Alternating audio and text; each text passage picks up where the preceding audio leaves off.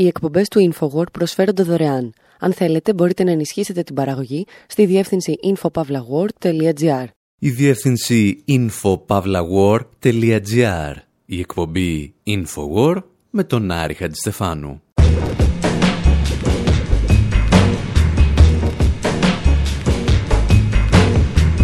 όπου σήμερα συζητάμε για ορισμένους διαφημιστές που βάφουν τα χέρια τους στο αίμα. Πιάνουμε το τιμόνι ενός αυτοκινήτου μαζί με τις γυναίκες της Σαουδικής Αραβίας και αναρωτιόμαστε πόσα τηλεοπτικά σποτάκια χρειάζεσαι για να κρύψεις το πιο αντιδραστικό καθεστώς του πλανήτη. Και ύστερα αλλάζουμε χώρο, αλλά όχι χρόνο. Θυμόμαστε όλες τις ταινίες και τα βιβλία επιστημονικής φαντασίας που προέβλεψαν γεγονότα που θα συνέβαιναν από το 2017 και μετά. Αναρωτιόμαστε εάν τελικά συνέβησαν ή θα συμβούν και απαντάμε μπορεί και ναι, μπορεί και όχι. Πρώτα όμως θα γιορτάσουμε μαζί σας το γεγονός ότι ο βασιλιάς της Σαουδικής Αραβίας επέτρεψε στις γυναίκες της χώρας του να οδηγούν. Θα ξεκινήσουμε όμως από λίγο πιο πίσω. Hello, my name is Hisham Fagui. I'm an artist and social activist. I don't really listen to music. Γεια σας, ονομάζομαι Ισάμ Φαγκή. Είμαι καλλιτέχνης και κοινωνικός ακτιβιστής. Δεν ακούω και πολύ μουσική, αλλά όταν σπούδαζα στην Αμερική, άκουσα ένα τραγούδι από κάποιον τύπο από τη Τζαμάικα που τράβηξε την προσοχή μου. Έφτιαξα τη δική μου εκδοχή με στόχους παραμονή στο δικό μου πολιτισμό, αλλά χωρίς μουσικά όργανα. Και τώρα με τη βοήθεια ορισμένων ταλαντούχων φίλων μου θα τραγουδήσω. And now, with the help of some of my talented friends, I sing.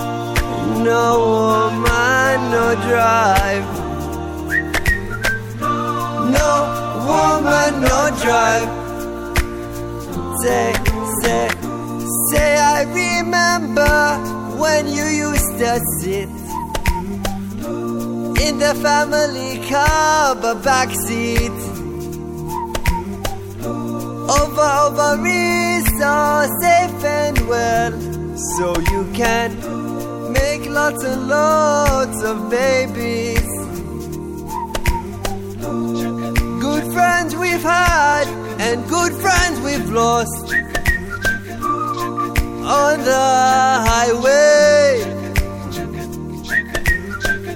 In this bright future, you can't forget your past.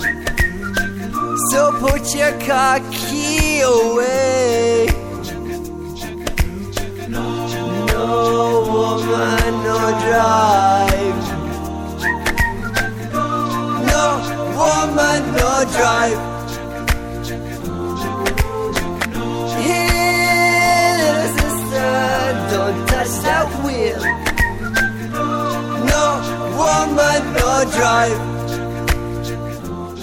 Ο Ισάμ Φαγκή που ακούσατε είναι διάσημος Σαουδάραβας κομικός και το τραγούδι του No Woman No Drive είχε γίνει viral στο YouTube με περισσότερα από 15 εκατομμύρια θεάσεις. Θυμάμαι, λένε οι στίχοι, όταν καθόσουν στο οικογενειακό αυτοκίνητο, αλλά στην πίσω θέση και η οθήκη σου ήταν ασφαλής για να μπορείς να μου κάνεις πολλά παιδιά. Και ύστερα μπορείς να μου ετοιμάσεις και το βραδινό φαγητό, το οποίο βέβαια θα μοιραστώ μαζί σου. Και αν έχετε αρχίσει να βγάζετε φεμινιστικούς αφρούς από τα νεύρα σας, να σας εξηγήσουμε ότι το τραγούδι είναι μάλλον σατυρικό και ασκούσε κριτική στον οίκο των Σαούντ που δεν επέτρεπαν σε γυναίκες να οδηγούν. Ο δημιουργός του βέβαια δεν μπορεί να το πει αυτό δημοσίως γιατί σε αυτή τη χώρα έχουν κόψει κεφάλια και για μικρότερα παραπτώματα. Πριν συνεχίσουμε πάντως με την ιστορία μας, θα θέλαμε να μοιραστούμε μαζί σας τις δύο ασήμαντες πληροφορίες της ημέρας.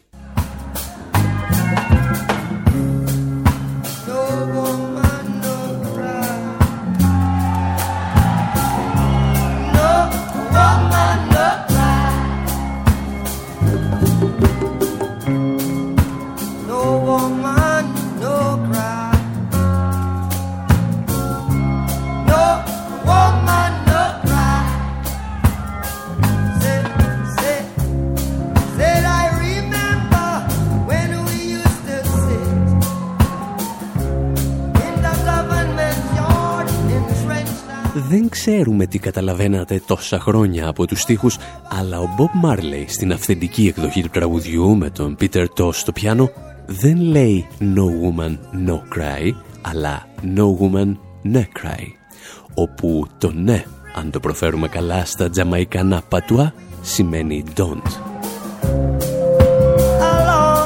Το τραγούδι απευθύνεται σε μια γυναίκα που μεγαλώνει σε ένα γκέτο και την παρακαλεί να μην κλαίει γιατί όλα θα φτιάξουν. Η δεύτερη ψηλοάσχετη λεπτομέρεια είναι ότι στη σατυρική εκδοχή που ακούγαμε με το No Woman No Drive δεν υπάρχει κανένα μουσικό όργανο. Ο Ισάμ Φαγκή συνεργάστηκε με τον Αλά Ουαρντί, επίσης από τη Σαουδική Αραβία, ο οποίος δημιουργεί ακαπέλα παραγωγές μόνο με ήχους που μπορεί να παράξει το ανθρώπινο σώμα. Και το αποτέλεσμα ακούγεται κάπως έτσι.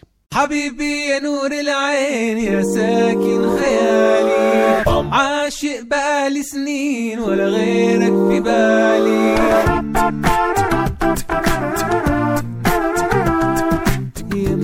Ένας από τους πολλούς λόγους για τους οποίους ο Αλάουαρντί ανέπτυξε αυτό το είδος ενορχίστρωσης είναι ότι σε αρκετές περιοχές της Σαουδικής Αραβίας απαγορεύονται τα μουσικά όργανα στο πιο αντιδραστικό καθεστώς που έχει γνωρίσει η ανθρωπότητα τους τελευταίους αιώνες, απαγορεύονται πολλά και μέχρι πρόσφατα απαγορευόταν και στις γυναίκες να οδηγούν.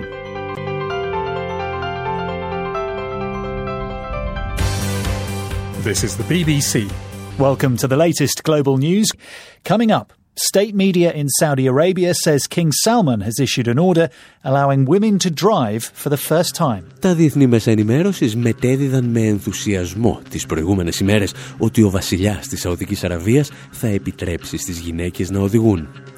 Τον μεγαλύτερο ενθουσιασμό βέβαια τον ένιωσε η Σαχάνα Σιφ, μία από τις ακτιβίστριες που έδινε για χρόνια μάχη για αυτό το δικαίωμα.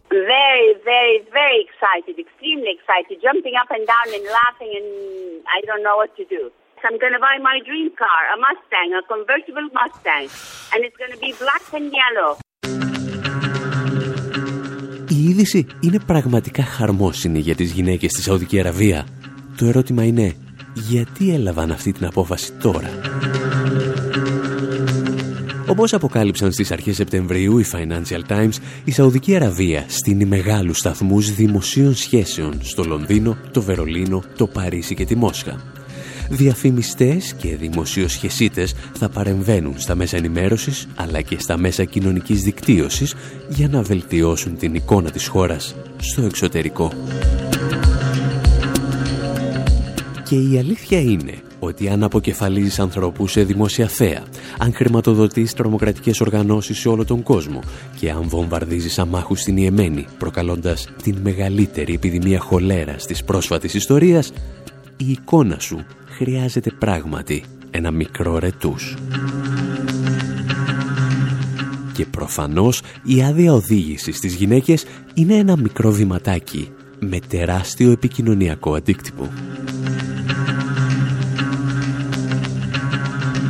Ποιοι είναι όμως αυτοί οι διαφημιστές που αναλαμβάνουν να σου λουπώσουν την εικόνα σε αιμοσταγή καθεστώτα, όπως αυτό της Σαουδικής Αραβίας; Αν έχεις πραγματοποιήσει μια γενοκτονία και χρειάζεσαι μια μικρή βοήθεια, ποιο γραφείο δημοσίων σχέσεων και ποια διαφημιστική εταιρεία πρέπει να καλέσεις; Απαντήσεις εντός ολίγου. Everybody be cool, this is a robbery! Any of you fucking pricks move! And I'll execute every motherfucking last one of you!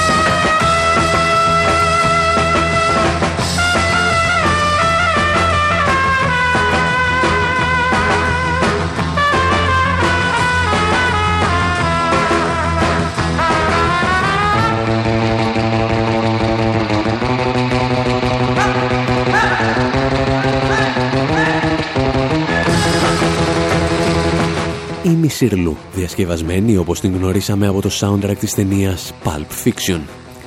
Εμάς, βέβαια, μας ενδιαφέρει εκείνη η φοβερή σκηνή όπου ο Τραβόλτα τεινάζει κατά λάθος τα μυαλά ενός κυρίου που κάθεται στο πίσω κάθισμα στον αέρα. Well, you gotta have an opinion.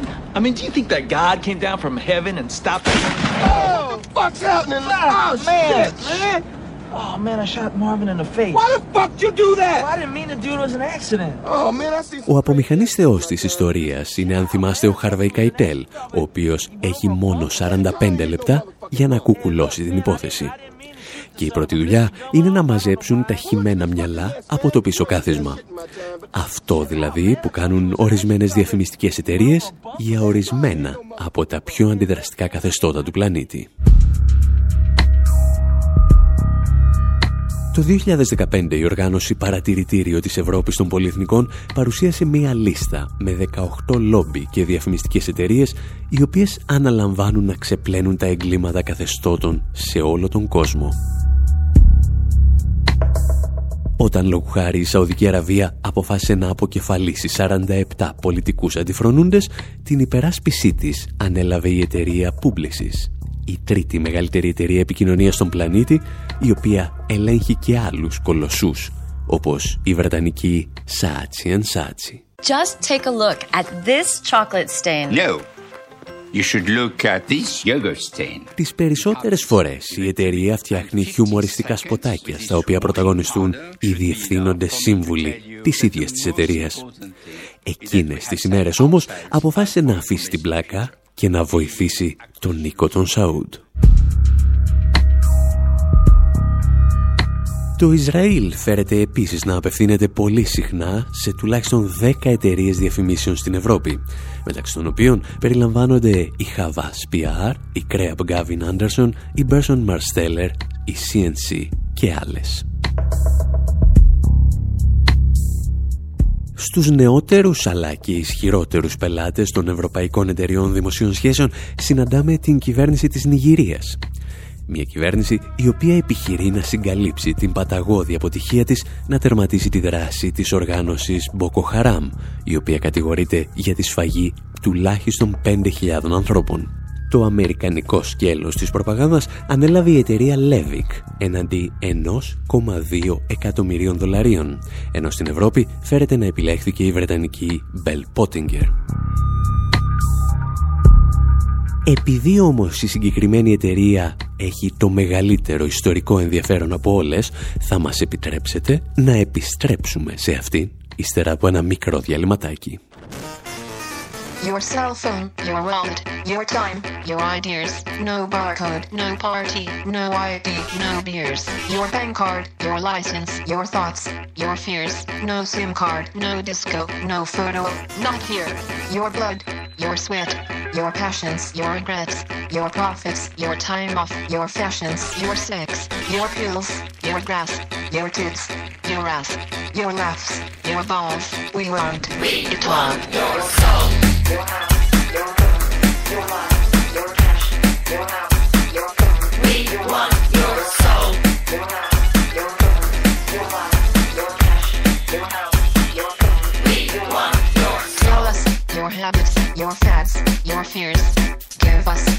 your address, your shoe size, your years, your digits, your plans, your number, your eyes, your schedule, your desktop, your details, your life.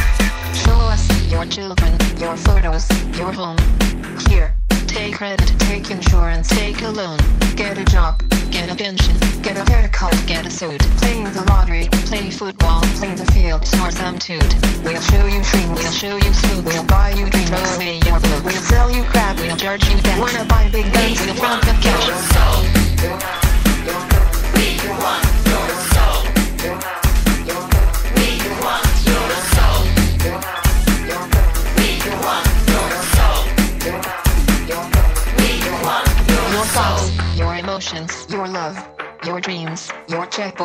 your essence, your sweat, your screams, your security, your sobriety, your innocence, your society, yourself, your place, your distance, your space. Go back to bed, America. Your government is in control again. Here, watch this. Shut up. Ο DJ Adam Freeland παρουσιάζει το έργο του We Want Your Soul, θέλουμε την ψυχή σου, το οποίο παρεπιπτόντος επιλέχθηκε από αναγνώστες του Guardian ως το καλύτερο τραγούδι για τον κλάδο της διαφήμισης. Και εμείς στην εκπομπή Infowar με τον Άρη Χατζηστεφάνου συζητάμε για διαφημιστικές εταιρείες που ξεπλένουν τα πιο αυταρχικά καθεστώτα στον κόσμο. Έχουμε φτάσει στην διαβόητη Bell Portinger, η οποία χρεοκόπησε στις 12 Σεπτεμβρίου του 2017 ακριβώς λόγω των σκανδάλων στα οποία είχε εμπλακεί. Η Bell Pottinger ιδρύθηκε από στενούς συνεργάτες της Margaret Thatcher και σύντομα ανέλαβε τους πιο βρώμικους πελάτες στον πλανήτη. Μεταξύ άλλων είχε αναλάβει την εκπροσώπηση του Μπαχρέιν το οποίο πιστεύετε ότι συνολικά είχε δαπανίσει περισσότερα από 30 εκατομμύρια δολάρια για να συγκαλύψει την αιματηρή καταστολή των αντικαθεστωτικών διαδηλώσεων που ξεκίνησαν το 2011. Το μεγαλύτερο όμως σκάνδαλο με τη συγκεκριμένη εταιρεία ξέσπασε στις αρχές του 2016 Αποκαλύφθηκε τότε ότι μετά την Αμερικανική εισβολή στο Ιράκ η εταιρεία έφτιαχνε ψεύτικα βίντεο τα οποία απέδιδε στην Αλκάιντα. Σε άλλες περιπτώσεις έφτιαχνε στημένα ρεπορτάζ τα οποία φαίνονταν να έχουν γίνει από Ιρακινούς δημοσιογράφους και τα οποία το Πεντάγωνο αναλάμβανε να φυτεύει σε τοπικούς τηλεοπτικούς σταθμούς. The invasion of Iraq was highly profitable, at least for one media and public relations company who Η εισβολή στο Ιράκ ήταν ιδιαίτερα κερδοφόρα, τουλάχιστον για μια εταιρεία δημοσίων σχέσεων και μέσων ενημέρωσης που βοήθησε το Πεντάγωνο δημιουργώντας ψεύτικα βίντεο εξεγέρσεων. Η βρετανική διαφημιστική εταιρεία Bell Pottinger βοηθούσε για χρόνια το Πεντάγωνο σε επιχειρήσεις ψυχολογικού πολέμου.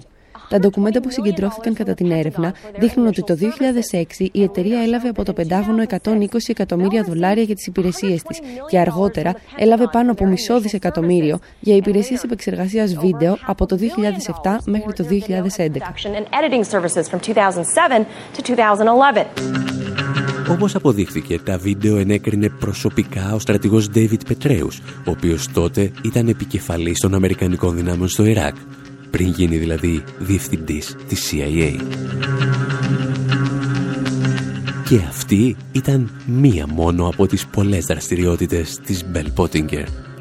Γιατί ένας καλός διαφημιστής ξέρει πως να διώχνει ακόμη και τους πιο δύσκολους λεκέδες από αίμα από τα πουκάμισα των πιο αντιδραστικών καθεστώτων. Εσείς πάντως μένετε εδώ, γιατί ύστερα από το γνωστό μας διάλειμμα επιστρέφουμε με εντελώς διαφορετικές ιστορίες.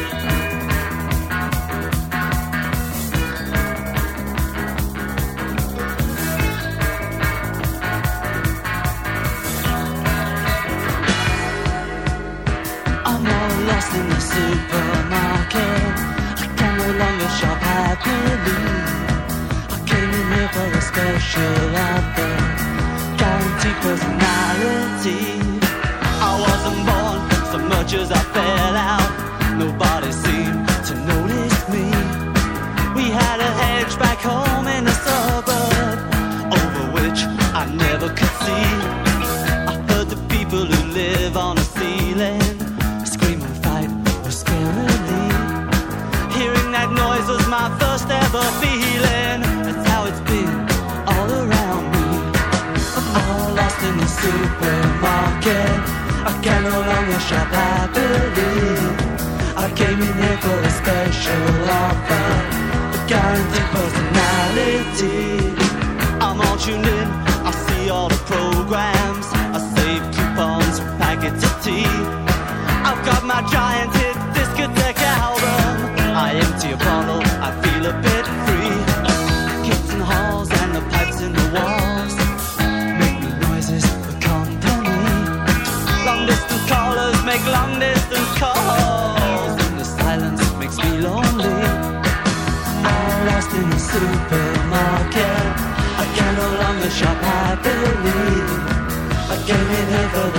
picture of a, a personality.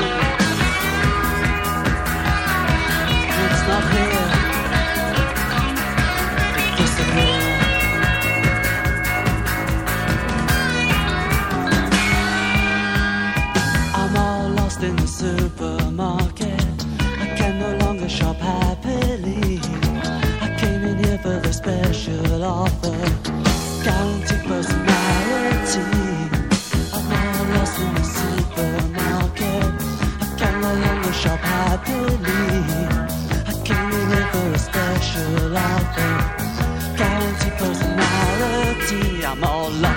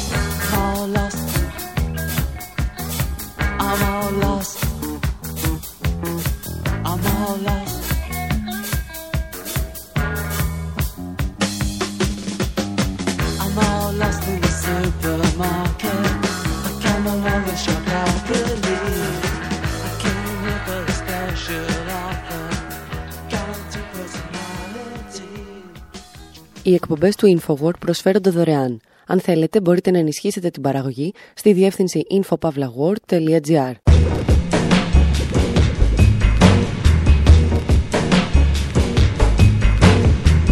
Η εκπομπή InfoWord με τον Άρη Χατζηστεφάνου όπου σήμερα, ένεκα που φτάσαμε στο έτος 2017, σιγοτραγουδάμε για ορισμένες προβλέψεις που είχαν κάνει οι γνωστοί συγγραφείς επιστημονικής φαντασίας για την επόμενη δεκαετία. Αναρωτιόμαστε εάν ο Άρνολτ Βαρτζενέγκερ είχε περισσότερο δίκιο από τον Φρίτς Λάγκ και γιατί όλο και περισσότεροι συγγραφείς υποθέτουν ότι θα είμαστε στήρι σε μερικά χρόνια. Ουσιαστικά δηλαδή μελοποιούμε μερικές σκέψεις που καταθέσαμε στην εφημερίδα των συντακτών για την επιστημονική φαντασία του σήμερα και του κοντινού μας αύριο.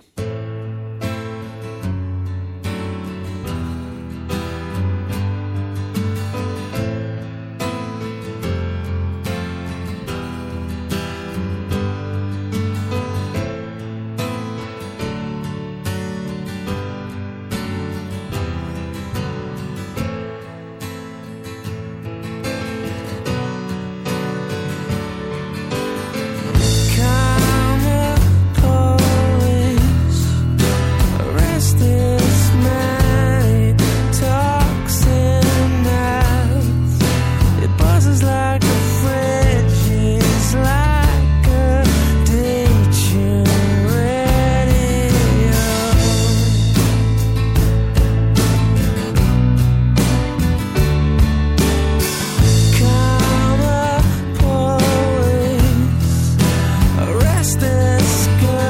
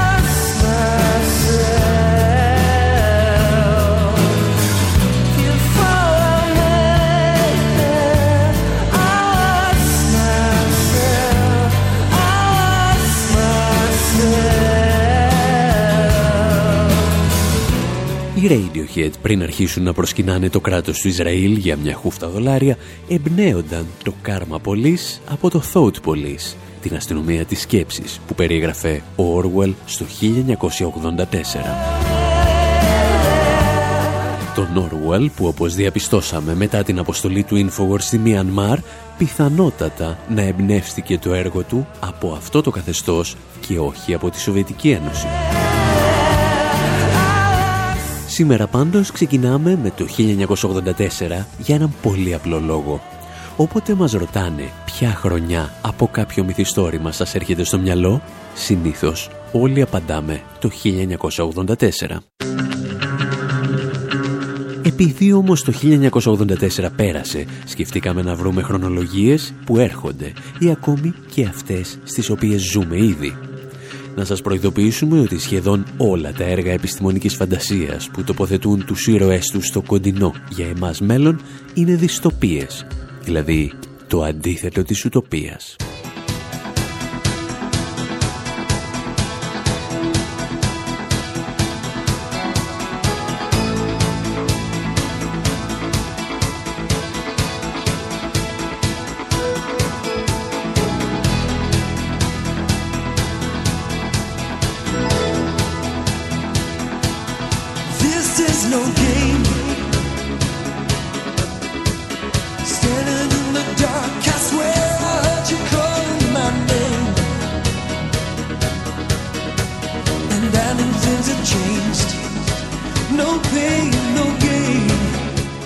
Απαράδεκτη μουσική που ακούτε προέρχεται από την εξίσου απαράδεκτη ταινία «Ο Άτρωτος» με τον Άρνολ Σβαρτζενέγκερ, η οποία πατά στο ελαφρώς πιο συμπαθητικό βιβλίο «The Running Man» του Stephen King. Το βιβλίο γράφτηκε το 1982, αλλά η υπόθεση διαδραματίζεται στο 2017. Η παγκόσμια οικονομία έχει καταρρεύσει. Οι Ηνωμένε Πολιτείε μετατρέπονται σε ένα αστυνομικό καθεστώς και ο πληθυσμός του πλανήτη υπνοτίζεται από τηλεπαιχνίδια τύπου Survivor για να μην εξεγερθεί απέναντι στις άθλιες συνθήκες εργασίας. Αν είσαι δηλαδή μαύρος στην Αμερική ή Έλληνα στην Ευρωπαϊκή Ένωση, ζεις το 80% των συνθήκων που περιέγραφε το βιβλίο.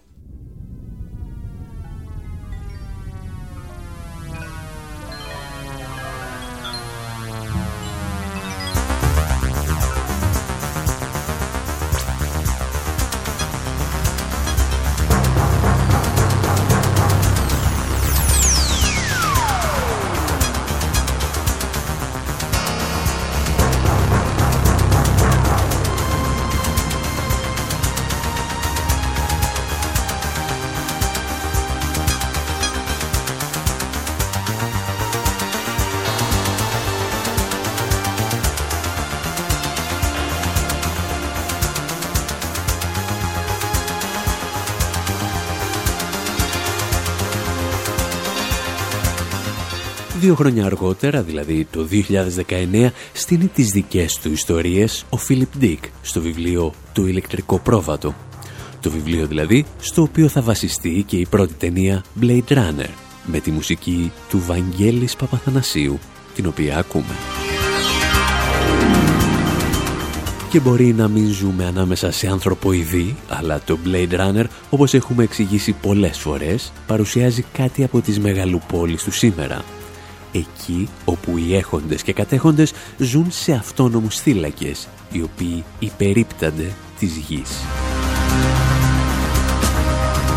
Θα εξηγούσε όμως πολύ καλύτερα ο Μάικ Ντέιβις, ίσως ο πιο συναρπαστικός μαρξιστής συγγραφέας της εποχής μας. Philip K. Dickstrom from Blade Runner wherever the off-worlds are floating around and uh, gated communities floating around as satellites of the Earth or, or on other planets. Ο Φίλιπ Ντίκ χρησιμοποίησε τον όρο διαστημικές απικίες, τον οποίο συναντάμε και στην ταινία Blade Runner. Πρόκειται για απομονωμένες κοινότητες που υπερίπτανται της γης ή βρίσκονται σε άλλους πλανήτες, ενώ ο υπόλοιπος πληθυσμός ζει σε μεγαλοπόλει που θυμίζουν τις ιστορίες του Καρόλου Ντίκενς. Το θέμα δεν είναι απλώς ότι ορισμένοι άνθρωποι επιθυμούν ασφάλεια και ένα χώρο για να απολαμβάνουν το εξωφρενικό καταναλωτισμό τους. Στην πραγματικότητα, συνδέοντας αυτές τις απικίες, δημιουργούν ένα νέο πλανήτη που μπορείς να πετάς από τη μία απικία στην άλλη. Είναι σαν τα αεροδρόμια που είναι όλα ίδια ίδια μεταξύ τους γιατί ακολουθούν το ίδιο μοντέλο λειτουργίας και οργάνωσης. Οι κάτοικοι αυτών των απικιών έχουν ελάχιστη επαφή με τα εργατικά στρώματα, με τους φτωχούς και τους μετανάστες, εκτός από τις περιπτώσεις που χρειάζονται τις υπηρεσίες τους σε προσωπικό επίπεδο.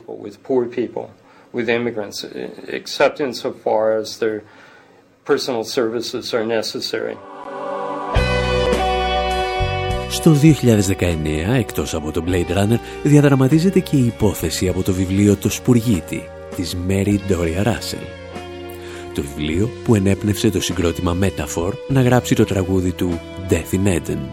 Τους ακούμε για λίγο και επιστρέφουμε.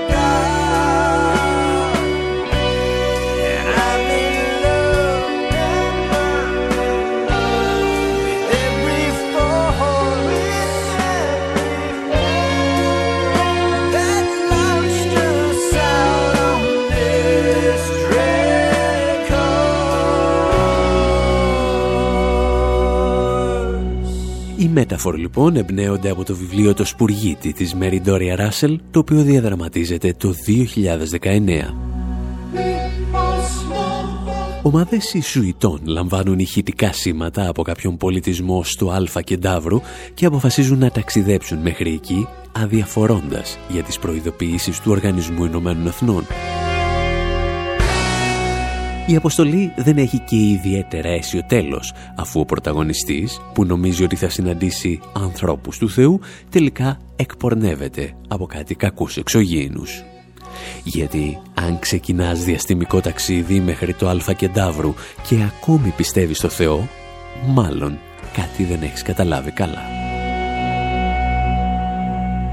Εμείς πάντως πρέπει να φύγουμε αμέσως για το 2024, γιατί οι ήρωες του Star Trek έχουν μια πολύ ενδιαφέρουσα ιστορία να μας διηγηθούν.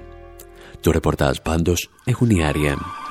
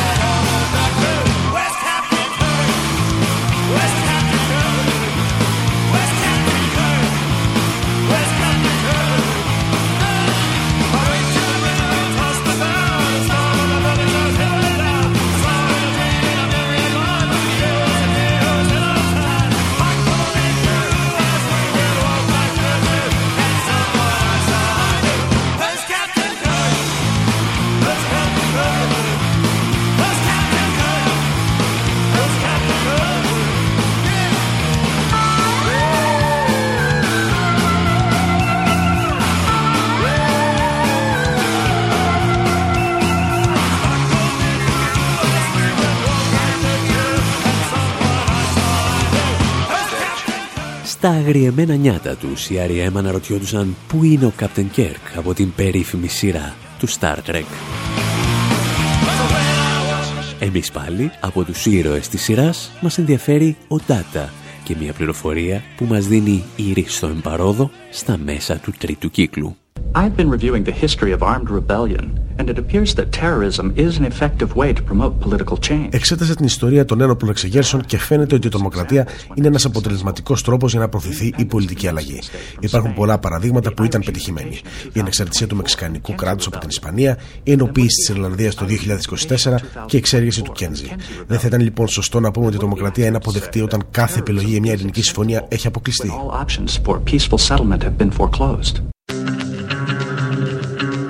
Η εξέγερση του Κένζι δεν σας ενδιαφέρει γιατί είναι ένα φανταστικό γεγονός που θα συμβεί κάποια στιγμή από σήμερα μέχρι το 2366. Το γεγονός όμως ότι σύμφωνα με το Star Trek ο Ιρλανδικός Δημοκρατικός Στρατός θα καταφέρει να ενοποιήσει την Ιρλανδία με τρομοκρατικές επιθέσεις μέχρι το 2024 έχει κάποιο ενδιαφέρον. Για την ακρίβεια, είχε τόσο ενδιαφέρον, ώστε η Μεγάλη Βρετανία είχε απαγορεύσει τη μετάδοση του συγκεκριμένου επεισοδίου για δεκαετίες. Και όταν τελικά την επέτρεψε, συνειδητοποίησε ότι ήταν πλέον πολύ πιο πιθανό να χάσει τη Σκοτία παρά τη Βόρεια Ιρλανδία. Εμείς πάλι προχωράμε στο χρονολόγιό μας μέχρι το 2024, τη χρονιά στην οποία είχε στήσει τη δική του διστοπία ο Φριτς Λάγκ στην ταινία Μετρόπολης. Την εισαγωγή θα μας κάνουν αυτή τη φορά η Queen.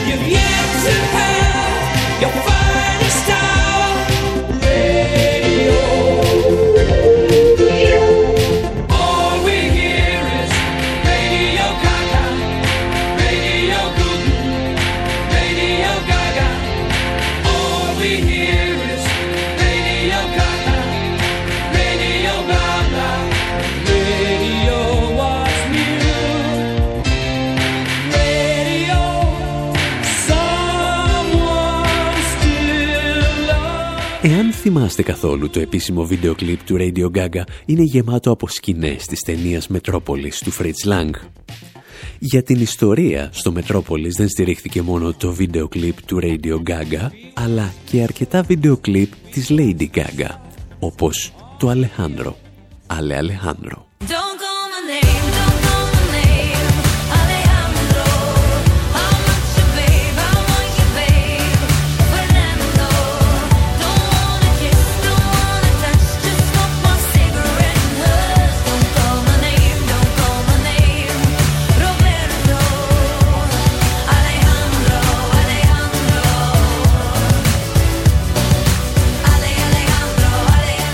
Το Το ότι ο Fritz Lang θα κατάφερνε να συνδέσει το Radio Gaga με τη Lady Gaga; Μας ξεπερνά.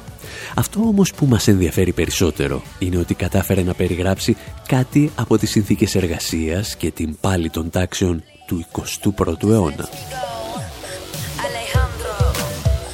Η ταινία, αν θυμάστε, που δεν θα πρέπει να θυμάστε, κυκλοφόρησε το 1926 και περιγράφει τη ζωή το 2027.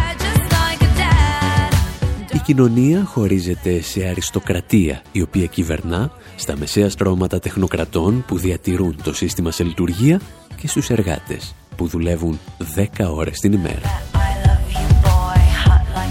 Εδώ δηλαδή ο Φρίτς Λάγκ έπεσε λίγο έξω γιατί δεν μπορούσε να φανταστεί ότι το 2027 θα υπάρχουν ακόμη άνθρωποι που θα δουλεύουν περισσότερο και από 10 ώρες.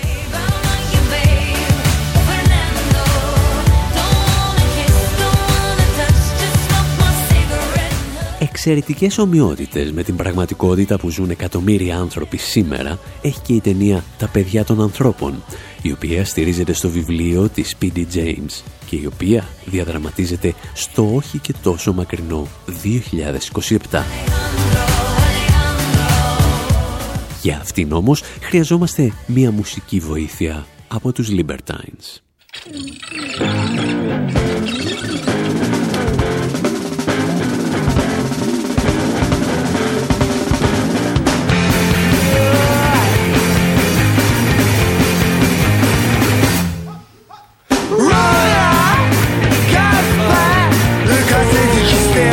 shovel and burn your wet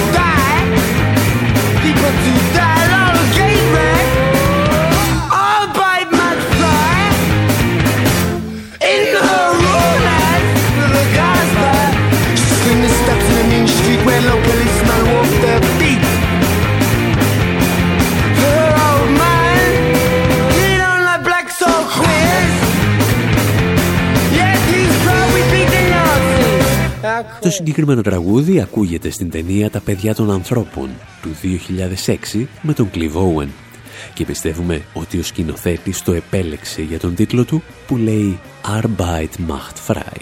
Η εργασία απελευθερώνει. Η πλοκή διαδραματίζεται όπως και το Μετρόπολης το 2027. Εδώ όμως οι ομοιότητες είναι πολύ πιο φρικτές και αφορούν τους πρόσφυγες και τους μετανάστες. Day 1000 of the siege of Seattle. The Muslim community demands an end to the army's occupation of mosques. The Homeland Security Bill is ratified. After eight years, British borders will remain closed. The deportation of illegal immigrants will continue. Η Βρετανία έχει μετατραπεί σε αστυνομικό κράτος για να αποτρέψει την είσοδο μεταναστών, τους οποίους κάποιοι παρομοιάζουν με κατσαρίδες. Και αν αυτό σας φαίνεται λίγο τραβηγμένο, να σας θυμίσουμε ότι η Βρετανική εφημερίδα Daily Mail πριν από μερικούς μήνες παρομοίαζε τους πρόσφυγες με αρουραίους. Όσο για την σοβαρή καθημερινή και τον συντάκτη της Τάκη Θεοδωρόπουλο έγραφε για αδέσποτους Αφγανούς που πολλαπλασιάζονται σαν τον καρκίνο. Τα στρατόπεδα συγκέντρωσης μεταναστών της ταινίας υπάρχουν ήδη σε αρκετές χώρες, ενώ πολλές σκηνές έχουν άμεσες αναφορές στο Γκουαντάναμο, το Αμπου Ghraib, αλλά και στο Αμερικανικό Υπουργείο Εθνικής Ασφάλειας, το Homeland Security. Βασικό μοτίβο της ταινίας πάντως είναι η στηρότητα του πληθυσμού, την οποία συναντάμε όλο και συχνότερα σε έργα που διαδραματίζονται στο πολύ κοντινό μας μέλλον. Η αμερικανική τηλεοπτική σειρά The Handmaid's Tale, λόγου χάρη, περιγράφει μια κοινωνία που καταλαμβάνεται από φονταμενταλιστές χριστιανούς, όταν η οικολογική καταστροφή του πλανήτη αρχίζει να προκαλεί στηρότητα στους άντρες.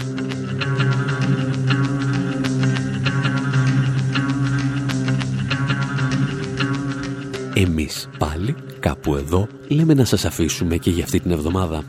Μέχρι το 2019 που θα έχουμε γίνει σαν το Blade Runner και μέχρι την επόμενη εβδομάδα από τον Άρη Χαντιστεφάνου στο μικρόφωνο, την Μυρτώ Σιμεωνίδου στην έρευνα και τον Δημήτρη Σταθόπουλο στην τεχνική επιμέλεια. Γεια σας και χαρά σας. In the year 25, If man is still alive, If woman can survive, they may find.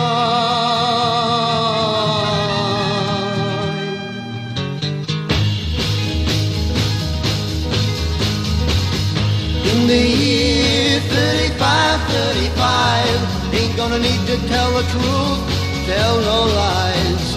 Everything you think, do, and say is in the pill you took today. In the year 45, 45, ain't gonna need your teeth, won't need your eyes. You won't find a thing to chew. Nobody's gonna look at you. In the year 55, 55, your arms are hanging limp at your sides. Your legs got nothing to do. Some machine doing that for you. In the year 65, 65, ain't gonna need no husband, won't need no wife. You pick your son, pick your daughter too. From the bottom of a long glass tube, whoa, whoa.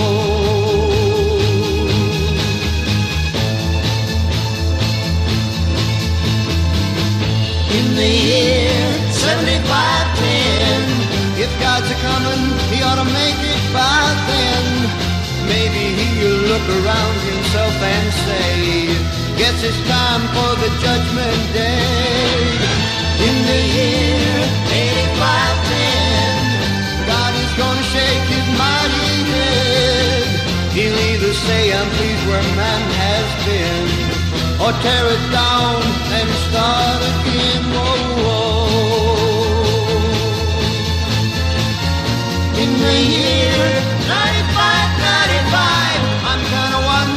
if man is gonna be alive. He's taken everything this old earth can give, and he ain't put back nothing. Whoa, whoa. Now it's been 10,000 years. Man has cried a billion tears for what he never knew. Now man's reign is through, but through eternal night, the twinkling of starlight, so very far away, maybe it's only yesterday.